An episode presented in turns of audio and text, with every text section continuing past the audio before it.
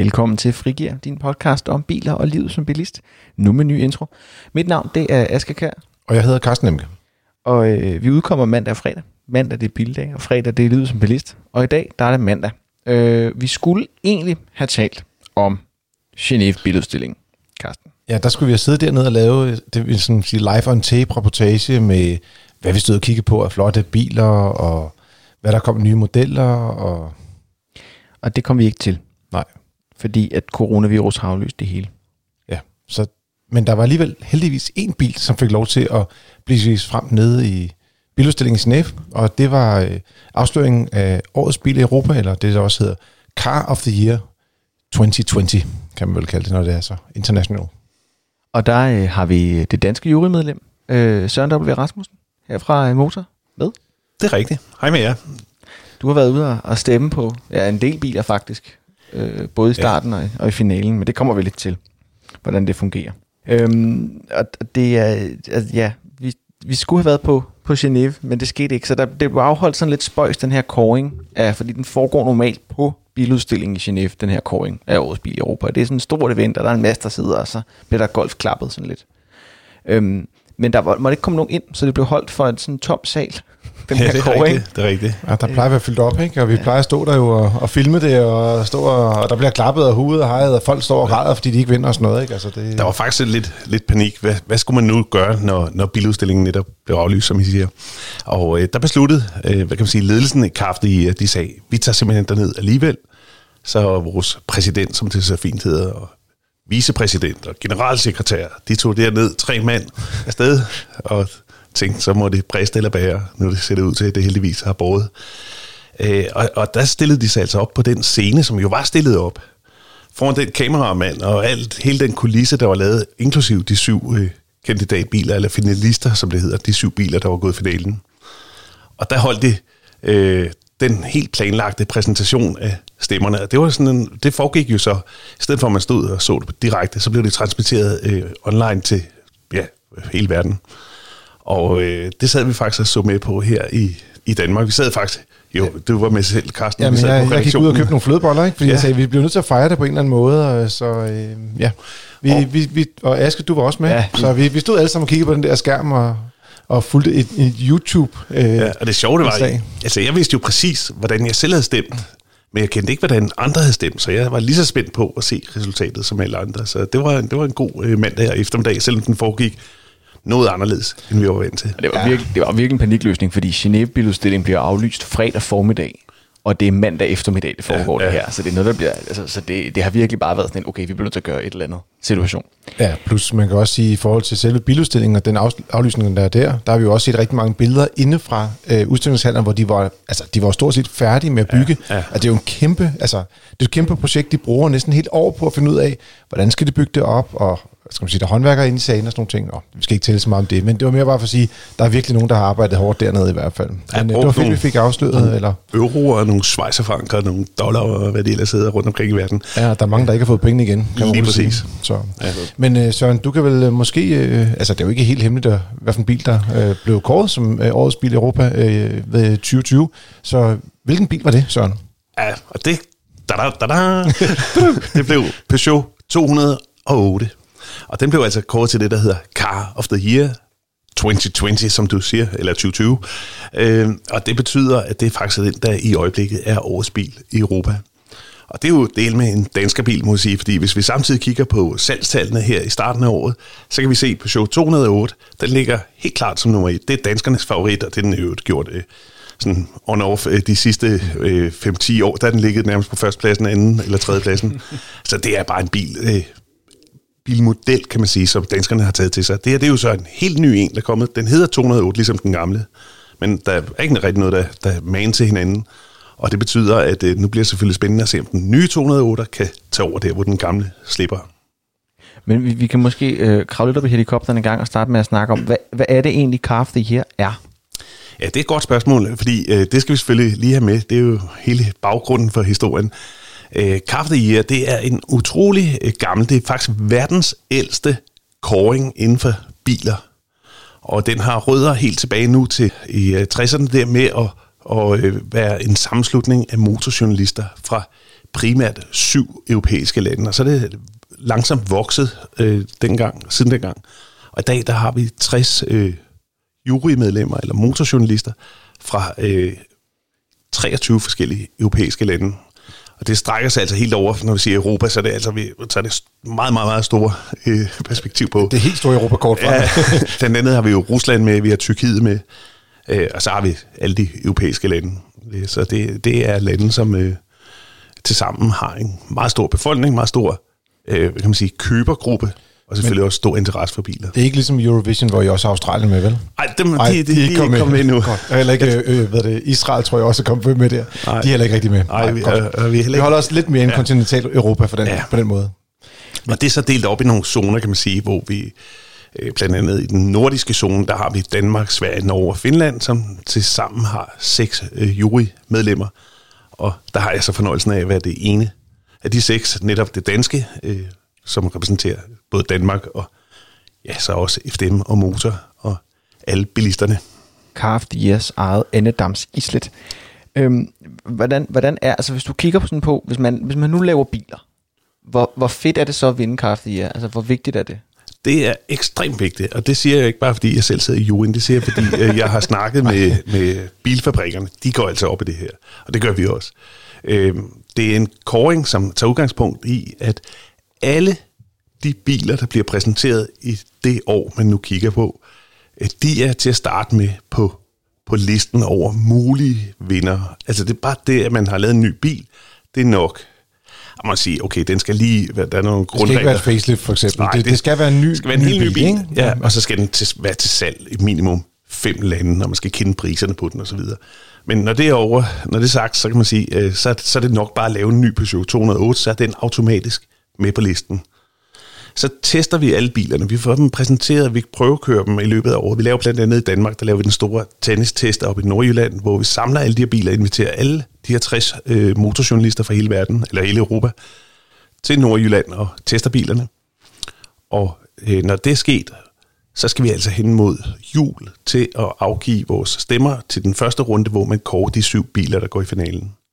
Og det var altså de syv biler, der så stod nede i, på, det, der så ikke blev til biludstillingen i Genève, men øh, det stod i hvert fald i Genève. Øh, og, og det var så blandt de syv, vi skulle vælge vinderen, og der valgte vi som nævnt Peugeot 208. Øhm, hvordan- adskiller den sig? Altså du har, du har årets bil i Danmark jo, øh, som, som ligesom er, er, er, der, er der nogle andre forskelle end bare, at det er en stor årets bil i Danmark? Ja, det synes jeg, der er. Øh, I Danmark øh, er vi jo sådan meget gode til at have fødderne på jorden og så sige, okay, der skal være lidt fornuft i det her, der skal være biler, der er til at betale, og det kan man også se, de biler, der går gennem tiderne i Danmark, det er sådan nogle biler, danskerbiler, hvis man skal sige det lidt populært. Man kan sige, lige år har vi en, en snydt lidt at bytte rundt på de to roller, ikke? fordi at, uh, Tesla Ja. 3 vandt jo i Danmark, og Det- den er i hvert fald dyrere end, end 208'eren. Ja. Det, det er lidt spøjst, ikke? Det er faktisk lidt, det, det er rigtigt. Det er, det, det er faktisk undtagelsen, der bekræfter reglen. ja, men uh, 208'eren var nummer to i Danmark, så Ja. det passer nok meget godt.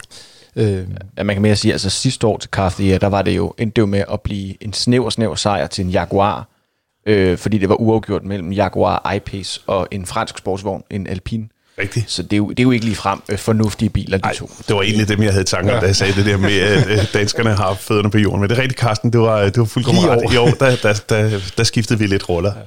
Ja. Der blev det en men du har ret generelt set, 208. at den Ja. vej det går. Ja. Så.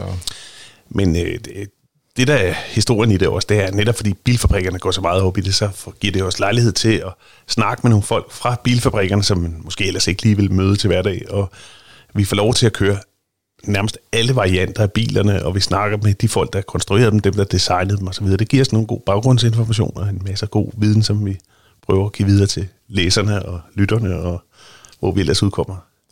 Ja, fordi i den sidste ende handler det om at kunne give den bedst mulige rådgivning til folk, ikke? så de ved, hvad det er. Vi kan rådgive dem bedst muligt, når de skal ud og tage, træffe et valg omkring en bil. Det er rigtigt. Det synes jeg, det er hele den her proces omkring at prøve bilen og se. Det er også det med at sætte biler op mod hinanden, altså på tværs af bilmærker. Det giver bare rigtig meget, altså som, som biltester, ikke? Vil Jo, ja, altså kan man sige, du er fuldkommen ret i det med rådgivning. Det, altså, det er jo den sjove del af det, når folk skal ud og vælge bil, og vi kan, vi kan hjælpe dem med det. Men man kan sige, der er heldigvis også noget lidt mere i det, fordi så, så vil vi jo kun høre fra folk hver tredje eller hver femte år, når de skulle have en ny bil. Men fordi biler er så interessante, så er selv dem, der lige har været ude og køre bil, eller købe bil, øh, de er klar til også lige at høre om den nye et eller andet, fordi det er altså, vi har alle sammen lidt drømme, og vi går kan godt være, at vi lige har købt bil, men så starter, lige snart man har fået en ny bil, så starter øh, en eller anden øh, Starter gang på den næste, der hedder, hvad for en skal vi have næste gang? Og skulle man alligevel have haft en med en større eller en mindre motor, eller elbil, eller hvad på det skulle være. Mm. Så folk de er rigtig glade for at høre om biler. Søren, hvis- man øh, går tilbage til 208'eren i, i forhold til øh, Coachy-titlen, som vi også kalder den, eller Car of the Year-titlen, øh, hvad er det, som gør, at den bliver en god Coachy-bil? Altså det, jeg synes, der var øh, rigtig godt ved Peugeot 208, jeg havde den selv som min næstøverste, jeg, jeg må starte med at sige, det kan jeg jo lige tilstå med det samme her, at øh, min favorit var Tesla Model 3. Øh, Jeg synes, det var den øh, mest banebrydende bil af dem alle sammen. Det var også den bil, der blev kåret til årets bil i Danmark, og det var sådan godt mandat, ikke fordi det behøver at være det, jeg går, går med, men det, Jamen, det, det, kunne man tage med, kan man sige, ikke? det var, den havde fået point med hjemmefra, kan man ja. sige. men, men 208'eren havde jeg som en, en nummer to, og det havde jeg, fordi jeg synes, det er en utrolig spændende bil, og den, øh, den er jo lavet på en helt anden måde end den gamle 208, fordi øh, det, der gør den særlig interessant set med nutidens øjne, det er, at den også får som elbil. Mm. Og det vil sige, at man kan vælge den som benzinbil, dieselbil eller elbil. Og det synes jeg faktisk er en rigtig interessant ting, fordi vi ved godt, at der er rigtig mange, der skal til at kigge på elbiler de kommende år, men der er altså også rigtig mange mennesker, som bare ikke kan få det til at hænge sammen med en elbil. Enten skal de køre længere, end sådan en bil kan køre på en opladning, eller også har de ikke mulighed for at lade den op, fordi de bor på tredje sal et eller andet sted, så kan man måske ikke lige have sin egen lader. Og de vil måske godt have sådan en Peugeot 208, og så må de så vælge en benzin eller diesel i stedet for, indtil din dag får mulighed for at køre elbil. Og der synes jeg, den afspejler meget godt den udvikling, vi har i samfundet i øjeblikket, at nogen kan køre elbil, og nogen kan ikke. Og sådan er det også med en 208. Nogen kommer til på, på gaden som elbil, og nogen kommer som benzin- eller dieselbil. Ja. Hvor, hvorfor var det, det var din nummer to, i stedet for at være din, øh, din vinder, Søren? Du har jo været lidt, lidt loveren med den. Ja, der var et par enkelte ting, der jeg synes, der trak ned. Øhm, og øh, vi har blandt andet set en test fra Euro NCAP, og der synes jeg faktisk, at Peugeot 208 mistede lidt point for, øh, fra min side, fordi øh, de har valgt at lave bilen i to sikkerhedsniveauer. Mm. Og der var det det laveste sikkerhedsniveau, der blev testet i Euro NCAP. Det er det, man gør nu om stunder. Og øh, der klarede den sig altså kun til fire stjerner. Og det, det er bare lige for at sige, det er jo Cap crash test, det er Ja. der, hvor man siger, at vi kører en bil op mod, så vi en væg, det er det jo ikke, men det er jo sådan en, en deformerbar øh, barriere. Der er mange forskellige tests. Kører den også ind i en væg? Ja. Ja, Altså, vi kalder den jo virkelig en, en sikkerhedstest. ja fordi den, den er meget mere omfattende, end Ja. den var i gamle dage. Ikke? Ja, crash-testen, det klarer den egentlig øh, flot, men øh, så tester man også blandt andet sikkerhedsudstyret i bilen. Og der kommer den altså to versioner med et øh, lavt sikkerhedsudstyr og et højt sikkerhedsudstyrsniveau. Og det er den laveste med tester, det gav kun fire stjerner. Man har ikke testet det højeste sikkerhedsudstyrsniveau. Det gør man ikke mere. Man tester kun det øh, dårligste, kan man sige, fordi det skal ikke være sådan, at man bare kan lave en enkelt version af en bil, og så sige, hey, den fik fem stjerner eller sådan noget. Så nu tester man den dårligste version af dem, og det er den her til fire stjerner. Og der synes jeg faktisk godt, Peugeot kunne have lært noget af blandt andet Renault, for eksempel, Som også var med. som også var med, og som ja. også lavede en meget fin Renault Clio, som jeg også øh, havde øh, i toppen af min øh, pointgivning. Og øh, Renault har altså valgt det at sige, vi laver en billig bil, og den får så forskellige udstyrsvarianter, men alle versionerne har det højst mulige sikkerhedsudstyr, og det vil sige, at alle versioner af Renault Clio er til fem stjerner. Og sådan var det altså ikke hos Peugeot, så der findes både Det biler med fire stjerner. ja. Som siger, at øh, Renault, de har så ikke en el-Clio, fordi der har de en Zoe. Men, Ja. Så de har jo så i virkeligheden produktet på hylden, men den hedder så bare ikke Clio. Øh, ja. Det, det er måske sådan en af de grunde til, at den måske ikke lige kunne komme med det sidste stykke, for man kan jo se lidt en tendens i hvert fald. Selvom den kommer som øh, hybridbil, den her Clio, så de, de biler, der blev nummer to og nummer tre, det var faktisk begge to elbiler. Det er rigtigt. Øh, Vi så, at det var virkelig et grønt år i år, ikke? Ja. Altså fordi, øh, øh, hvis, vi, hvis vi regner Peugeot 208 til at starte med, med som elbilen, Jamen, det tror jeg, givet den point. så havde vi øh, på andenpladsen en Tesla Model 3, og så på tredjepladsen havde vi faktisk Porsche, Porsche Taycan, som også er en øh, 100% elbil. Og der kan man sige, altså 1, 2 og 3 grønne biler der, det fortæller jo lidt om, at det her, vi er kommet virkelig langt med den grønne omstilling, i hvert fald i Kaffe i Sidste år var det en ren elbil, og igen i år var det en elektrificeret bil i hvert fald, og med elbiler på anden og tredje pladsen. Og der kan man sige, at med de to biler, så kommer du tilbage igen med at sige, at øh, i typisk er det lidt dyre biler, der bliver kåret, eller får gode point i Car of the Year-titlen. Ikke? Fordi Taycan, det er en ret dyr bil, øh, selvom der ikke er afgift, eller så meget afgift på bilerne herhjemme i Danmark i hvert fald. Øh, men men øh, måske skulle vi lige løfte en lille fli. Vi var ude at køre i den, så, øh, Søren. Øh, det var, du skrev artiklen. Øh, jeg fik lov til lige at komme lidt bag rettet også. Ja, det er rigtigt. I Porsche'en der, Ja, ja. i Porsche Ja. Ja. hvad, er der sådan lidt på ord, du kan sige på den også? Altså, altså til at starte med, så må man sige, det, altså, det giver sig selv, når det er en Porsche, så skal det jo altså være en bil, der kan flytte sig lidt, og det, det kan hurtig. det. Er jo tosset den er hurtig. Det er, det er helt vildt. Og nu læste jeg også øh, nogle øh, kan man sige, test fra, fra dem, der virkelig går til den, når de skal teste sådan noget med accelerationer, øh, kan gøre det 10, 15, 20 gange i træk. Og det man kan se, det er, at Porsche, den er jo altså bygget af tyske ingeniører, der, ikke, der siger, det er ikke nok bare lige at, at vise, at man kan det en gang. Det kan bare blive ved og blive ved og blive ved. Accelerere, bremse og, og øh, øh, køre sindssygt stærkt. 260 km i timen kan den køre, den øh, vi testede. 0-100 på 2,8 sekunder. Det er jo altså helt vanvittigt. Det er sådan, at den kan køre 0-200 km i timen. Det kan den gøre hurtigere, end en almindelig bil kan nå til 100 km i timen. Og du kan gøre det igen. Og du skal ikke tænke på gearskift. Du bare trykke på speederpedalen og lidt på bremsen til at Det er starte. altså en vild bil. Det er jo det er en lidt sjov ting, fordi nu er Porsche, det er for, Porsches første 100% elbil. Og når man så sætter sig ind i den, så allerede når man lige åbner døren, tænker man, hvad, hvad er det her for noget? Der står turbo. Der står turbo udendørs på bilen, og der står turbo på sæderne. Og det er altså en elbil. Og så sætter man sig ind, og når man så... Øh, At, at, bare lige for øh, lidt lytterens skyld, man kan ikke putte turbo på en elbil. Nej, det kan man ikke. det, det, det har ikke noget med hinanden at gøre. Altså, når man kører stadig i den, så... Øh, ja, nu satte vi den lige over i det, der hedder Sport Plus. Det for, så får man ekstra hurtig acceleration og sådan noget. Men hvad man så også fik, det var en lyd ud af, i hvert fald højtalerne inde i kabinen, som får den til at lyde som en benzinbil. Ja. Jeg tænkte bare, altså, hvad er det her for noget, ikke? Men øh, det er klart, de har et publikum, der er vant til at køre benzinbiler. Det skal buller lidt. De skal også have lidt. Ja. Men, men jeg skal lige skynde mig at sige, det kan man heldigvis slå fra. Men Søren, jeg tænker på, nu snakker vi meget om det her med, det er jo, det er jo de her lidt dyre biler, der tit øh, kommer i favør. Nu, øh, 208 er en meget øh, fornuftig bil, kan man sige, men, men det er de her lidt, lidt større biler, der kommer i favør typisk øh, hos Kraft ja. Hvad kan man som, som almindelig forbruger sådan, kigge imod med Kraft Year? Hvad kan, man, hvad kan man bruge den vinder til? Ja, man kan sige, øh, man er nok nødt til at brede lidt ud og sige, at de syv biler, der er kommet i finalen, det er de syv biler, der er de syv bedste biler overhovedet i 2020 af de nye biler, der er kommet. Mm. Mm. Og øh, hvis, man, hvis man er helt blank og står og siger, jeg skal ud og kigge på en ny bil, så har man selvfølgelig, man står måske ikke, at jeg lige skal have en 208 eller en Porsche, det er nok ikke der valget, den står Det er det, man vælger mellem. Men, Men du kan man- godt stå og sige, at jeg skal have en minibil, og jeg så skal kan have du så en- overveje. Lige præcis, ikke? Man skal have en minibil, og så kan man altså se, der er en 208, den vandt, der er en Renault Clio med, den klarede sig rigtig godt, og så er det altså sige, jamen okay, 60 øh, journalister fra hele Europa har placeret den som en af de bedste biler overhovedet i, år, så er det altså et godt sted at starte, og det er, det er derfor, at bilfabrikkerne er, har stor fokus på det her. Men, men hvordan, altså, hvad, hvad, er det for nogle, øh, hvad er det for nogle kriterier, I stemmer ud fra, når I, når I skal afgive jeres point? Fordi hver jurymedlem må jo dele nogle point ud. Eller ja, hvordan er det fungerer? ja, det er rigtigt, og den kan vi lige tage først, øh, fordi øh, for at vælge de syv biler, der går i finalen, der skal vi i virkeligheden bare sætte syv krydser, et ud for hver af de syv biler, vi mener, der skal i finalen.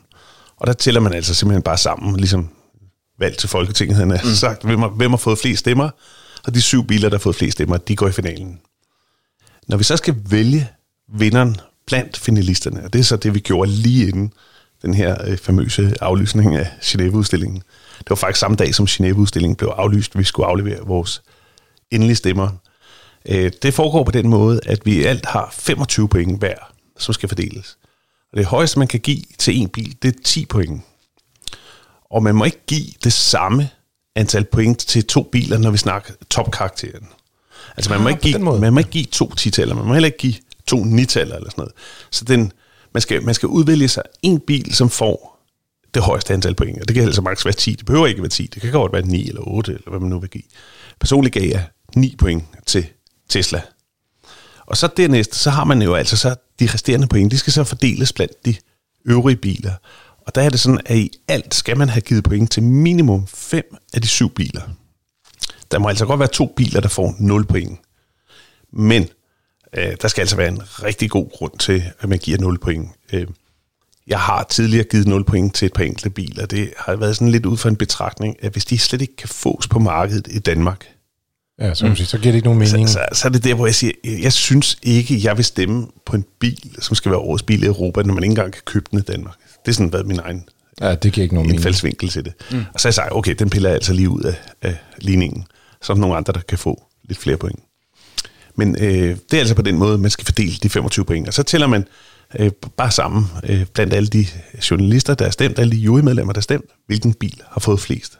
Og det var jo, som vi var inde på før, så Peugeot 208. når man sådan står og kigger, fordi vi fulgte jo simpelthen land for land, og Ja. klappede selvfølgelig, da vi kom til Danmark, og ved det. Men øh, man kan også godt se, at når man kommer så til Frankrig, så er det lidt, øh, der var rigtig mange point til Renault og, og til Peugeot, og ikke så meget til Tesla og, og Porsche, men så når man kom til Tyskland, så fik Porsche lidt flere stemmer og sådan noget. Er der, er der lidt nationalt, øh, altså kan man godt mærke lidt på de store markeder, eller øh, bilproducerende lande, at, at de sådan stemmer lidt i en retning? Altså, jeg synes, i år kunne man godt mærke det. Ja. Det synes jeg. Der var, for det første kunne man mærke to ting. Man kunne se det nationale i det, som du er inde på. Tyskerne stemte på Porsche, og mm. franskmændene stemte på, på Renault og Peugeot. Men man kan også se det, hvis man kigger på Europa fra nord ned mod syd, så kan man se, at vi er simpelthen mere klar til den grønne omstilling, jo længere op nordpå i Europa man kommer. Længst op, der har vi Norge, og det er klart, de gik jo helt meget til amok i elbiler. der. Ja. det var ikke så overraskende. Øh, et andet land, der er meget øh, stor fokus på elbiler, det er Holland, Det er rigtigt, ja. som også havde en virkelig øh, stærk stemmeafgivning til Tesla. Og Tesla fik også gode penge i Sverige og som nævnt i Danmark. Danmark også. Ja. Og øh, det betyder, at øh, vi kunne se, at havde det været de nordeuropæiske lande, der skulle stemme alene, så var det Tesla, der havde vundet. Ja. Havde det været Frankrig, der skulle stemme, så var det blevet det Peugeot 208. De fik så hjælp af nogle andre lande til, at det faktisk lykkedes. Ja, man kan sige sådan et land som Spanien, der jo ikke er så, altså de har jo Seat, men ellers er de ikke sådan super stærke på biler, men det er også et land, hvor det er, at pengene betyder noget. Og, og der kan man godt se, at de stemte jo også ret meget på de billige biler i forhold til de lidt dyre øh, elbiler, kan man sige. fra og de har Porsche. traditionelt øh, god, øh, godt øje til både Peugeot og Citroën. Peugeot og Citroën har jo store bilfabrikker i Spanien, Ja. så øh, mange af deres modeller bygges dernede, så det, det gør, det er sådan lidt hjemme, hjemmebane-fordel øh, i Spanien Så det- også. Ja. Så det, det jeg hører, det jeg hører, hvis der nogensinde øh, kommer en ny ellert, så, øh, så skal Søren nok kigge gammelt på den. Ja, det vil jeg så ikke. Altså, Så den, den får det svært nede i, i Portugal, det kan vi love. jeg, jeg, jeg, jeg vil sige, øh, nu, har- nu har vi jo ikke rigtig nogen øh, bilmærker i Danmark, men øh, jeg har jo fulgt med i det i Sverige, hvor man har haft øh, både Volvo og øh, tidligere også Saab. Øh, og det var lidt sjovt at se, øh, hvordan svenskerne stemte. Og det er ligesom om, der har de altså en lidt anden udgave af nationalfølelsen, end de har i Frankrig, fordi de, de stemte altså ikke altid på, på Volvo og Saab. Det var ligesom om, ah, det var, det var, de blev lidt for almindelige, de biler. Det, det var sådan, hvis man åbner døren i Sverige, så kan man ikke se andet end Volvo og Saab. Eller det. Nu, tynder det lidt ud af Saaberne, men øh, i hvert fald, det- der er mange Volvoer. med tiden, ja. med tiden. Og, og, og det gjorde ligesom, at det var, det var, det var ikke så interessante biler. Øh, så de var ikke, det var ikke altid det er en fordel. Men øh, nede i Sydeuropa, vi har også set det før med italienerne, de er også rigtig glade for Alfa Romeo og Fiat.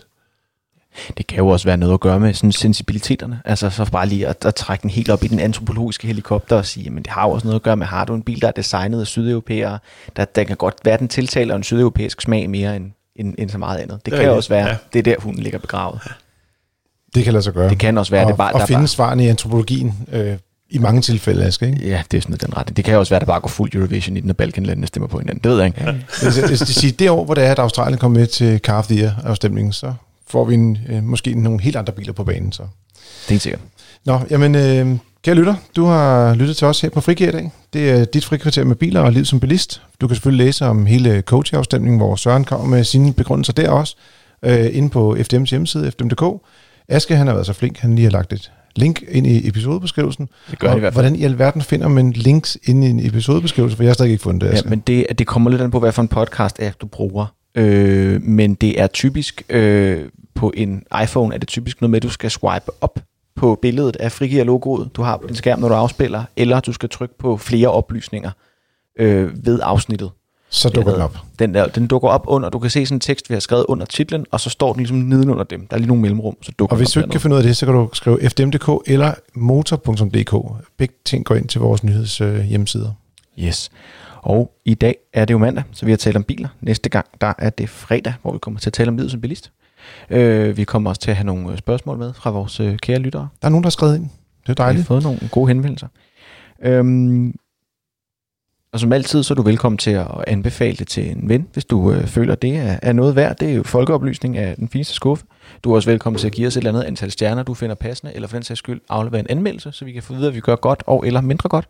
Og så kan du sende os en e-mail på podcast.fdm.dk. Det kan jo som sagt både være et spørgsmål, du kan godt være med i podcasten. Det kan være det tekniske spørgsmål. Det kan være, at du er blevet sur på enten Aske, jeg eller Søren. Nok usandsynligt, men hvis det er, så må I bare skrive en mail til os. Det kan også være, at du synes, vi er ualmindeligt søde. Det må du også gerne skrive Ja, det må du meget gerne skrive. det, er meget, det er meget rart at få ind i indbakken en mandag.